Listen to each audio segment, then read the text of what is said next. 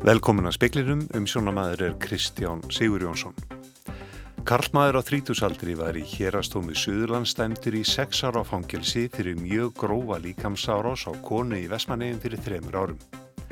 Leitúar sjöhelstu innríkja heim stiðja sjálfstjórn Hong Kong sem breytar á kymvirar söndu um fyrir 35 árum.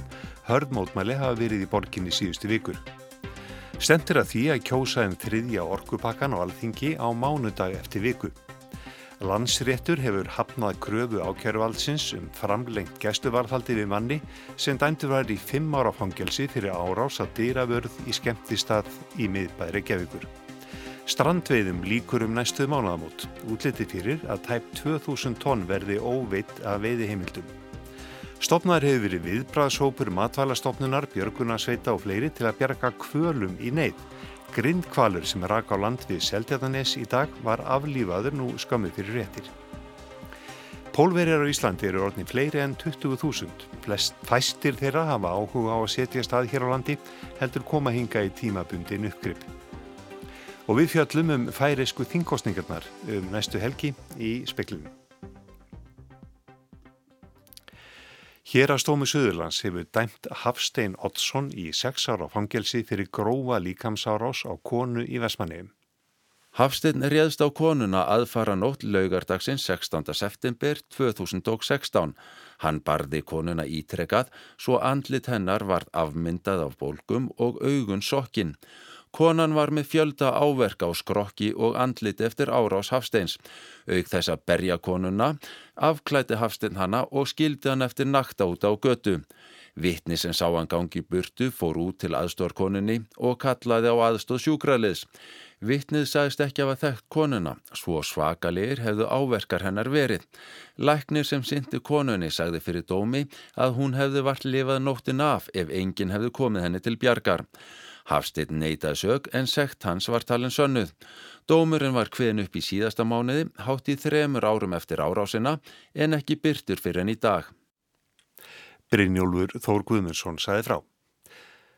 Leðtóar sjö helstu innríkja heims lístu í dag yfir stuðningi við sjálfstjórn Hong Kong sem breytar og kynvirar sömdu um árið 1984. Þeir hvetja borgariðu völd til að forðast ofbeldi gegn mótmælendum sem krefjast aukins líðræðis. Í álíktun sem leðtóar á G7 fundinum í Biarritz í Fraklandi sendu frá sér í dag er ítrekkaður stuðningur við samning breyta og kynverja frá 1984 um sjálfstjórn Hong Kong búa. Fjölmennir mótmálafundir hafa verið haldnir í borginni frá því fyrir sumar, fyrst vegna umdelts lagafrumvarp sem framsal sakamanna til meginlands Kína. Þegar frumvarpið var dreyið tilbaka snýrust mótmælin upp í kröfur um aukið líðræði í Hong Kong og að lögreglu og öryggisveitir hættu að beita borgarana harðræði. Hörð mótmæli voru í borginni um nýliðina helgi og í dag beittu lauruglumenn vatsþrýstibissum á mótmælendur til að sundra hópunum og koma ef ekk fyrir ofbeldisverk eins og það var orðað. Á þriðja tugu lauruglumanna slösuðust í dag og tugir mótmælenda voru handteknir þar á meðal 12 ára barn. Þeim var gefið að söka að hafa sapnast saman án leifis, borið vopn og ráðist á laurugluna. Letóarnir á G7-fundinum beindu því til begja fylkinga að gæta hofs og forðast ofbeldi og döðsföll. Ásker Tómasson saði frá. Alþingi stefnir að því að kjósa um þriðja orkupakkan eftir viku að loknu tveggja daga sumarþingi um álið á miðugudag og fymtudag. Síðustu vikur hafa bæði atvinnuveganend og utanrikismálunend komið saman til að fjalla enn frekar um álið. Ymsir sérfræðingar hafa haldið hátt í 8-10 erindi um álið fyrir nendunum. Síðustu vikur hafa nýju nýjir áliðskjafar komið fyrir nendinnar. Lógi Einarsson formaði samfling Samfylkingarinnar og Inga Sæland, formaður flokks fólksins, voru samála um að fátt nýtt hefði komið fram síðan þingi var slitið. Mér líður satt að segja eins og leikara í Groundhog Day. Hér erum við mætt aftur, uh, höfum haldið nefndafundi og komið að mörguleiti sömu sérfræðingar aftur. Ef eitthvað er þá að hafa nú svona raukokkar sem að teljum að það er að samþykja styrst. Heldur það að takist að klára umræðar um þetta mál? Það er búið að semjum þetta og ég er nú svo bjart síðan maður að trúa því að fólk standi úr orð sín. Nei ekki nema bara það að, að það eru komnar víðar í upplýsingar og, og þjóðin sjálf er að vakna til vitundar um í rauninni alvarleika málsins. Þannig að ég held að það sé nú það nýjasta í stöðinni að loksins þá því miður þá get ég ekki betur séð heldur en að stefni bara í það sem að áður var ákveð af meiri hlutunum, það er að þvinga þetta í gegnum þingið. Þetta var Inga Sæland, það var hún fríður í daginn í Fríðjónsdóttir sem talaði við hana og Loga Einarsson. Landsréttur hafnaði fyrir helgi kröfu á kæruvaldsins um að framlengja gæsluvarðhald yfir Artur Pavel Vísokki. Hann var dæmdur til fimm ára fangilsisvistar í februar fyrir árás á dýravörð á skemmtistæðnum Sjúters í miðbæri Gjaukur. Visotji var fyrst úrskurðaður í gæsluvarhald sama dag. Hann var því búin að sitja í fangilsi í næstum ár þegar landsréttur hafnaði áframhaldandi gæsluvarhaldsbeðni á föstu dag. Hált ár er í dag liði frá því Visotji áfríjaði dómi hérastóms Reykjavíkur til landsréttar en ekki er enn búið að skila málskjölum til domstólsins. Landsréttu segir í úrskurði sínum að þessi dráttur á meðferðmálsins sé ámælisverður og verði Visotji ekki kent um hann. Þess vegna sé ekki búið að reka málið með fullnægindi hraða. Dómurinn taldi þess vegna ekki hægt að fallast á gæsluvarhalsbyðnina. Landsréttur úrsköði við Sochi hins veri farban sem gildir til 17. februar nema niðurst að veri komin í áfríuninni fyrir þann tíma. Það er vegna þess að við Sochi er erlendur ríkisborgari. Brynjólfur Þórgumundsson saði frá. Slökkulismenn á Gran Canaria hafa náð tökum á skóareldum sem brunnið hafa á norður hluta eigarinnar í meira en viku. Yfir 10.000 hektarar skó og gróðulendis hafa brunnið. Þúsundir íbúa hurða að flýja heimann undan eldónum. Þeim hefur verið leift að snúa aftur heim. Að því framkýmur á Twitter heldur starfið þó áfram þar til slögt hefur verið í öllum glæðum. Útlit er fyrir að tæp 2000 tonn verði óveita veiði heimildum strandveiðibáta þegar tímabilinu líkur um mánuðamótin. Smábóta sjóminn á Hortnafyrði vilja fá að lengja tímabilið og veiða í september.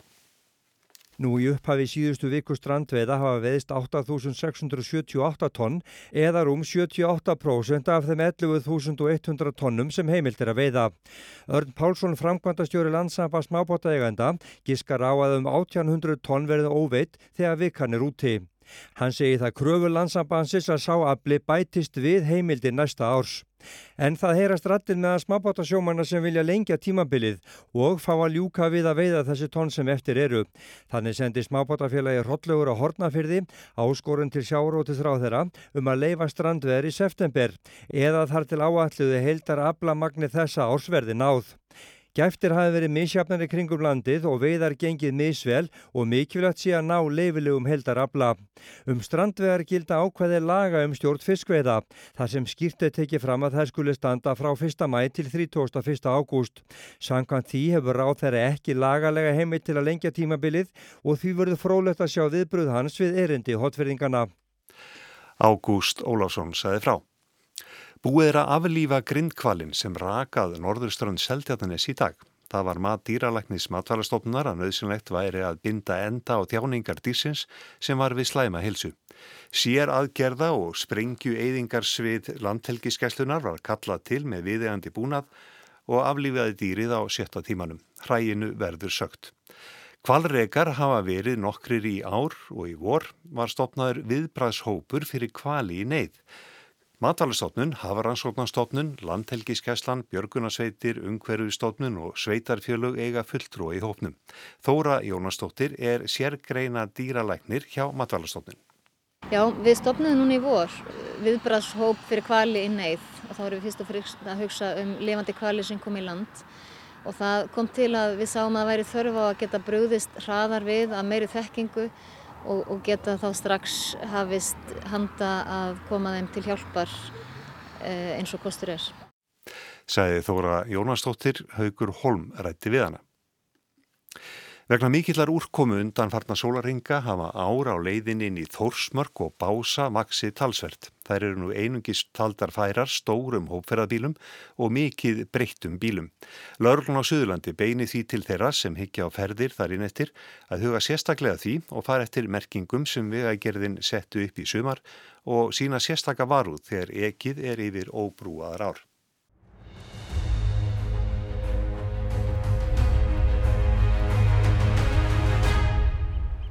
God kvöld og hjertelig velkommen til velgerafond av Giljaneset. Og velkommen Giljanes! Þingkostningar verða í færium á laugardag þann 31. ágúst og hér heyrðum við upphaf kostningafundar í skúlanum í Giljanesi í Vógum sem útvarpið útvarpa var í kringvarpi færiða fyrr í mánuðinum. 33 þingmenn eru á færiska lögtinginu. Ríkistjórn Þjóðveldisflokksins og Jafnagarflokksins undir fórustu Axel Svaff Jóhannesen lögmanns úr síðanendaflokknum hefur nauman meirluta og benda skoðanakannir kannanir til að hún missi meiriluta sinn. Stæstu stjórnaranstöðuflokkarnir eru sambandsflokkurinn og fólkaflokkurinn en það er þó óvist að þeir nái saman í stjórnarmyndun verði kostingarna þeim í hag. Færeisk stjórnmál eru um margt flókin og snúast ekki aðeins um hægri og vinstri, heldur einnig um afstöðuna til sambansins við Dani og íhaldsemi eða frálslindi í afstöðu til jafnrettis og trúmóla. Færeingar eru 52.000 talsins Efnahagur stendur vel um þessa myndir og allar líkil hagtölur í góðu lægi. Næga aðtunni er að fá, aðtunnileysi lítið sem ekkert og verðbolga aðeins 0,7%.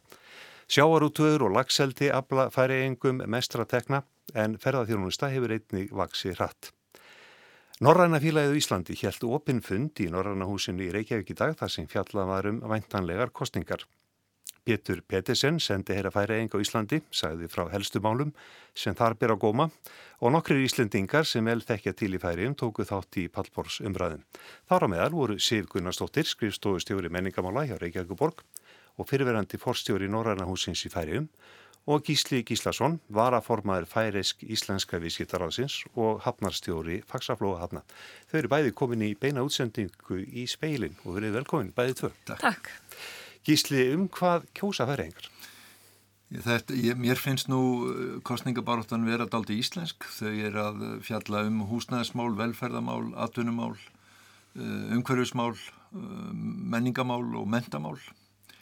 Það sem að kannski vakir við spyrjum daldið um Íslendingar, það er hvort að um hóivíkusamningin en hann er í sjálfu sér ekki fyrirferða mikill í þessari kostningabaróttu það er, það er svona við horfum kannski mest til þess en, en að öðru leiti að þá að mínum andi að þá er þetta svona tiltöla hefbundin mál og sumt mál sem að við þekkjum vel frá kostningabaróttu hérna á Íslandi og, kannski síðustu tíu ár. Kannski komum aðeins að hóivíku samningnum á eftir en síf, það er verið það er kannski svo ímynd sem að Íslingar hafa að færa engum að þeir séu Já, það eru trúmál og afstæða til ímissa félagsmála, samkynniðar og fleira sem er að flækja svolítið fyrir þið. Já, gerir sannarlega myndina flóknari. Uh, mér fannst þegar ég flutt til Færiða í janúar 2013 og var svona að reyna að setja mig inn í, um, uh, já, reyna að átta mig á þessari pólitísku mynd að þá, þá fundist mér alveg reynd sérkennlega margi flokkar og uh, ég áttaði mikið alveg á í byrjun einhvern veginn hver stóð fyrir hvað og mér fannst þið svo margir með að við hvað þjóðfélagi var ekki stórt að það væri nánast bara flokkur fyrir hverja fjölskyldu. Það er nú ekki alveg svo leðsamt. En um, uh, já, þetta verða einhvern veginn svo margir ásar eins og þú segir. Það vinstri hægri sem við þekkjum og svo er það sjálfstæðið eða ekki sjálfstæðið þannig að hver flokkur á vinstri ás uh, þarf að vera sagt, að hafa bæði sjálfstæði og ekki sjálfstæði og á hægri líka og miðjuflokkarnir og og svo eru þarna flokkar sem að, sem að eru uh, að, eru, já, aðhyllast trúmál meira heldur en aðrir og þeir þurfa einhvern veginn líka að staðsýtja sig og það var ekki fyrir að ég sá svona mm, nokkuð flott svona diagram uh, af flokkonum þar sem voru teiknaðir upp og líka í litum, þetta hefði eiginlega þurft að vera svona í þrítí bara til þess að, að almennilega að átta sig á þessu Um, en, en eins og Gísli segir kannski fyrir, fyrir þessar kostningar þá er þetta nú efni sem við konnumst við en það sem mér hefur þótt fyrirferða mest núna þegar ég verið að, að kíkja á þetta þá er það og það sem kannski maður sér að, að stjórnar anstæðan sem að verðist vera sákvæmt skoðanakonunum að standa betur að þá er verið að, að hegna núverandi stjórn fyrir uh, aðalega nýju fiskveðilögin Út af hvað ganga þessi nýju fiskveðilög, Gísli? Þau ganga út á eh, eignarhald í eh, fiskvinnslu, það gengur út á eh, meðferð á veiði heimildum. Færiðingar hafa farið þá leið að, að bjóða upp hluta veiði heimildum sem að hefur gengið en ekki kannski sáttum. en það snýr líka sem sagt að þessu eignarhaldi við erum auðvitað með ákveði lögum um eignarhald en færiðingar hafa farað aðeins lengra og, og setja mönnum ákveðin tímamörk að losa sig við eignarhlutana. Það snertir aðeins okkur Íslandinga þar sem að, að við erum hagsmuna eða fyrirtækir og Íslandi eru hagsmuna aðeinar í því. Og þetta er mjög umdelt í, í færið? Já, allir það sé ekki, ég þóri nú ekki að fara með hvernig menn skiptast en það eru ímist mennur mjög heitt með, með þessum breytingum og svo aftur á móti. Hmm. En Sif, þessi, þessi flækja í stjórnmálum í, í færu, hefur hún, gerir það verkum að flokkarnir eiga erfitt með að vinna saman, eru ríkistjórnir eh, náðar að halda útkjörtíðanbílið yfir þetta? Já, nú, eh, svo sem er, er mín svona uh, sögurskoðun á þessu, hún er ekkit sérstaklega laung, ég upplýði tvær ríkistjórnir og báðar heldu alveg, alveg útsitt tímabil, en það var, það var sannarlega um, um, stóð styrum þessa sem núna er að ljúka störfum uh, á lögadaginn Um, og, uh, og ég vorði vörfið að núna líka að það eru flokkar eru að koma fram með um, staðhafingar um að, að þeir ætla ekki að vinna með ákveðnum flokki. Og þessu tók ég til dæmis ekki eftir í kostningabarátunni fyrir fjórum árum. Hins vegar fannst mér alveg sérstakt uh, í einmitt þeirri kostningabarátu 2015 í sjónvarsumræðum þar sem allir flokksformen og stóðu anspænis hver öðrum og, og voru ekki sammála um nokt skapaðan hlut. Að sko það er svo mikil nánd í færium og maður veit að þessir menn þó í standi þarna og séu gríðarlega ósamála þessa kvöldstund að þá þurfa þeir að hittast í alls konar samhengi. Uh, þeir geta verið uh, það geta verið alls konar fjölskyldu tengsli eða viðskipta tengsli eða hvaðina þannig að þessar, þessar eldheitu umræður þar endur á því að allir formin dróðu nafn upp úr hatti á einhverjum öðrum eh, hérna, í eh, sjónvarsstofu og þurftu að segja eitthvað fallegt um viðkomandi, eitthvað sem kom stjórnmálum ekkert við. Þetta var einhvern veginn, ég bara, þetta var algjörlega dásamlegt og þeir sögðu svo skemmtilega hluti, þeir völdu eitthvað sem að hérna, það gæti verið, því ég heyrði nú að gísli var eitthvað að það er um fókbólta hérna fyrir utan á þannig að það gæti verið eitthvað í sambundu við íþróttir eða eða bara þú veist að baka kuku eða þetta var hérna. Þetta var alveg sérstakt en einhvern veginn var svona þessi, þessi speilmynd af því hvað þetta samfélag er ofbóðslega allir þættir eru svo opnir saman. En Gíslið hún myndist þarna á Hauvíkur samningin kannski þú rýðjar upp, Hva, hvaða samningur er þetta? Já, Hauvíkur samningurinn er, var tímambúta samningur frá 2005 þegar að, að eh, fríverslun var eh, samiðum fríverslun millir Íslands og Færi að bísna viðtækt og en einhvern veginn hefur það verið þannig að færing, sumum færingum skulum við segja finnst á sig hallað í þessum viðskiptum en um, allar tölur benda nú við að þeim, það sé nú ekki kannski alveg svo. En um, vissulega eru ákveðnar ákveðnir þröskuldar þar að segja við erum auðvitað með ES-reglur sem að setja upp þröskulda en það er opnara samfélagið færiðum fyrir innflutningi og bæð á verslun, þjónustu og vöru. E, mínu viti er þetta bæði tákrænt og, og í raun góður samningur fyrir báðaðila og uh, nú er það svo að þingið í færiðum hefur samþygt að segja samningnum upp en það þarf að gerast með lagabreitingu í færiðum og reynir nú á, sem sagt þegar líður árið, hvort svo lagabreiting verða veruleika. Um, uh, það er uh, mínu viti skaði að staðamálsins sé þessi vegna þess að, að í staðin þess að að losa sér frá samningnum og þá held ég einmitt að við höfum að ganga lengra í og, og nýjum sviðum í umhverfismálum til dæmis og við getum farið í talað um sjávarútvegin þar sem að auðvitað, það sjávar afurður sem hafa farið hvað mest á milli. Og um, við vitum að það hefur gengið stundum brössulega og gengur brössulega að semja um uh, aflaheimildir í bæði uppsjáafiski og bólfiski en þarna held ég að við hefum að taka okkur takk og á mínu viti hefum við að senda færiðingum sterkt signal eftir kostningar að að við þurfum að ná samkómulagi og, og útvíka þetta samkómulag til hagspóta fyrir báðar þjóðir og jápil taka grænlendingarna með. Mm. Er, Sifi, eru sko færi stjórnmáli eða uh, það sem við sjáum fram á núna að breytar er að fara úr Europasambandinu, er, er eitthvað ákallum meira samstarf þjóða hérna vill Íslinga, Bæriðinga, Grænlendinga?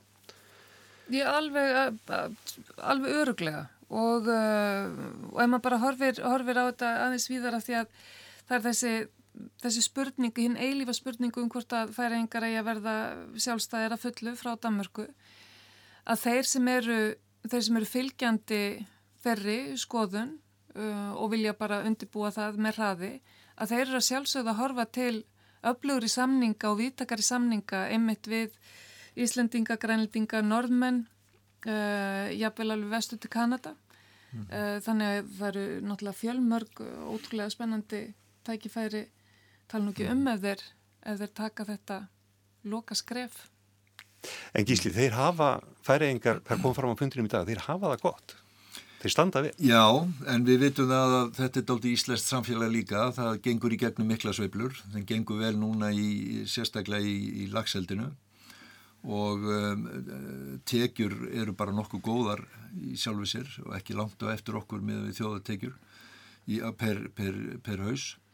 Eh, en við þekkjum líka þá tíma í færi um þar sem að var um, erfitt ástand og ekkert svo langt síðan en þeir eru, þeir eru, þeir eru duglegir og fljóttir aðalagast og um, það er augljóst núna að þeim gengur vel. Það er samgöngumálinn eru mikið umræðirinn í færi um núna. Það er einmitt þeir byggja göng eins og bara enginn sem morgundagurinn. Sem munu gör breyta mm. færi. Mm. Göngu sér að, hérna, að byggja núna bæði yfir í Östurei til Rúnavíkur og svo til mm. Þetta, þetta verður, verður, verður stærri breyting heldur en, heldur en mm. göngin yfir til Borðæjar og til Klagsvíkur spá ég að því að Þórsöfn á eftir að stækka og, eh, og dreifast og verða einhvern veginn, þetta ég held sér gríðarlega spennandi tímar. Spennandi tímar fyrir alla. Já, kannski eitt að lókun sif, mm. þeir eru að upplega líka sprengingu í túrisma eins og Íslingar. Já, heldur betur. Þeir fóru, hérna, þeir fóru af stað, eh, eiginlega bara 2013-14 þá var ákveðið að, eh, að sko tífalda fjármagnið sem fór í Visit Faroe Islands, þeirra ferðamála stofu eða kannski ekki tífalda en markfalda allavega og nýr fórstöðumæður ráðinn og það var farið í, í mjög öfluga, skemmtilega og markaðsherrferð út um allan heim sem að vann til verleina og það svoleiðis heldust yfir það ferðamenn sem að eiginlega samt komði pínulítið á óvart og, og þeir eru svolítið í erfiður í stöðu núna með því að mæta allir þessu fjölda sem að kemur á þessa átján litlu kletta út í hafi. Takk fyrir þetta og takk fyrir komuna Sigur Gunnarsdóttir og Gísli Gíslason. Takk.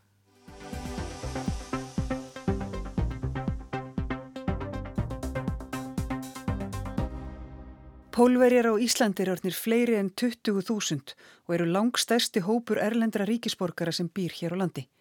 Þeim hefur fjölgað um 5% frá því í desember eða um tæplega 1000. Þráttur í þennan fjölda vita innfættir Íslandingar ekkins mikið um þennan stóra minnilutahóp eins og búast mætti við, með að við að pólverjar búsettir hér eru fleiri en íbúar akkurirar. Hver eru til dæmis pólsku veitingastæðinir í Reykjavík? Anna-Maria Vojtinska veit meira um sambili pólverja og Íslandinga en flestir því hún varði doktorsritgerð sín í mannfræði við Háskóla Íslands núna fyrir helgi þar sem hún rannsaka reynslu pólsks farandfólks á Íslandi. Rannsóknir hann að leiða í ljósa fæstir pólverjar sem hingað koma hafa áhuga á að setjast hér að, heldur ferðast eðulega fram og tilbaka millir landana tveggja og leggja áherslu á að halda sterkum tengslum við heimahagana. En tengsl þjóðan eru sterk og pólverjar urðu fljótlega stærsti hópur erlendra ríkisborgar á Íslandi eftir að landamæri voru opnið fyrir fólki frá gömlu austantjálslöndunum. Pólverjar þekktu betur til Íslands en hinar nýju Evrópuþjóðunar og hér vantaði vinnufúsar hendur. Ég, ég held að þetta eru fyrirtæki sem bara leita eftir pólverjum í Pólandi til að koma til vinna og þetta eru líka meira samskipti á milli landum, þetta eru fólki hér sem, sem segja að þetta eru gótt vinna, gótt kaup og, og bara hjálpa fólki koma til, til Íslands. Anna segir að helsta ástæðan fyrir því hversu margir pólverjar koma til að vinna á Íslandi sé að hér er næga vinnu að fá og launin herrin í Pólandi og þau getur komið hér og í stuttum tíma sapna penningar til, til kaupa einhver hús í Pólandi eða uh, sapna fyrir einhver hluti sko. Ekki komu þú öllir hingað af svo praktískum ástæðum? Það eru líka fólki sem koma út af þessu. Það er svona ímynd af Íslandi eins og land svolítið langi börtu og ekki eins og aðrir stórir borgar en það er nálegt náttúrunni og, og þau vil bara búa í svona land og þau vil fara frá Pólandi það eru fólki sem fara frá, frá Pólandi út af uh, politískur svona staður þau er mjög svona ekki ánægt með þessi sem gerist í Pólandi Þetta fólk komingaði leitað meira jafnbretti og minni stjætskiptingun í Pólandi Engu að síður leiða rannsóknir önnu voi tinsku í ljós að það færist í vöxt að Íslendingar líti á pólst farand fólk sem láluna fólk sem hægt sé að grípa til til bráðabyrða. Það setur marksitt á stöðu þeirra á vinnumarkaði og í þjóðfélaginu sem heilt. Tilneyingin sé svo að pólverjar séu ráðnir í lægstu stöðunar og vinnumarkanum sem greinist sífelt meira í aðskildar starfskreinar eftir þjóðurni. Hvernig líður pólverjum á Íslandi? Já, þetta er erfitt að segja allir elska Ísland, þetta allir ekki. Það fara miklu leiti eftir vinnuveitandanum. Sumir endi vinnu hjá fyrirtækjum sem misnota erlend starfsfólk og hafa jafnvel af því laun. Flestir séu þó ánæðir hér en mentað fólk á þó meiri möguleika á því að kynnast Íslendingum. Þar skiptir miklu máli hvort það talar íslensku. Sumir pólverjar þó eru í vinnu sem er spjalla þó í mentun. Mm en ég held að við erum með meira samskipti með Íslandingar að tala íslensku og, og svoleiðis en það eru líka stórir hópur en kannski það er stærast í hópa af polverjum á, á Íslandi sem koma bara fyrir vinnu. En sumir eru bara eins og farand ver, verka fólk þetta e, virka fyrir starfsmannalegi eða koma eins og svona útsendir starfsmenn. En það er ekki mikið samskipta held ég. Og líka ekki í, í svona kannski mikið í vinnustadum sem Íslandingar gera svona uh, sérfræðingavinnu og pólverjar bara almenn uh, vinnu. Já, ég held að það er ekki kannski mikið sam, samskipti en það er líka af því að fólki vinna svona mikið. Þau koma og vinna bara 10-12 klukkutíma á daginn. Þau vil bara sapna margar penninga og fara aftur til Pólans. Heldur þú að pólverjar upplifið það að Íslandingar hafi fordóma gegn þeim og vilja ekki kynast þeim? það er sem sumir uh, segja. Anna segir að flestir lýsi jákvæðum samskiptum við Íslendinga en oft þurfi ekki nema einn óþægilegan atburð að verða fyrir mismunun eða dónaskap út í búð til að fólki finnist að verða fyrir fordómum eða útilókun í samfélaginu. Samskiptin virtust ganga best í smerri samfélagum. Þegar ég var að tala við fólki í, í, í, í þessi þorpum í hring Ísland þá ég var alltaf, alltaf að segja að Íslandingar var mjög ópitt, hjálpalegt koma með uh, húsgögn og bara hjálpa með allt. Anna Vojtinska telur að það séu miklir möguleikar fólknir í því að auka samskipti og samgang millir Íslandinga og pólveri á Íslandi. Landið er stórt og dreifbílt og fylsta þörf á vinnufúsum höndum hvaðan sem þar koma. Hún hefur sjálf fest hér ætur, gift íslensku manni og á tvö börn sem æfa fótbolta hjá Káar. Við erum sammálum að þessi skrítið að það skul ekki vera pólskur veitingastæður á landinu með allan þennan fjölda pólverja og okkur hinn sem kunnum að meta gott pieróki. Já, það er svolítið skrítið, það er ekki veitingastar að því að pólverjar elska pólska mat. Þetta lýsaði einhverju leiti stöðu pólverja á Íslandi. Þeir sem opna veitingastæði bjóði frekar upp á íslenskan eða alþjóðlegan matseðil, þeir séu feimnir við að halda fram pólskri menningu og hefðum í matarkerð.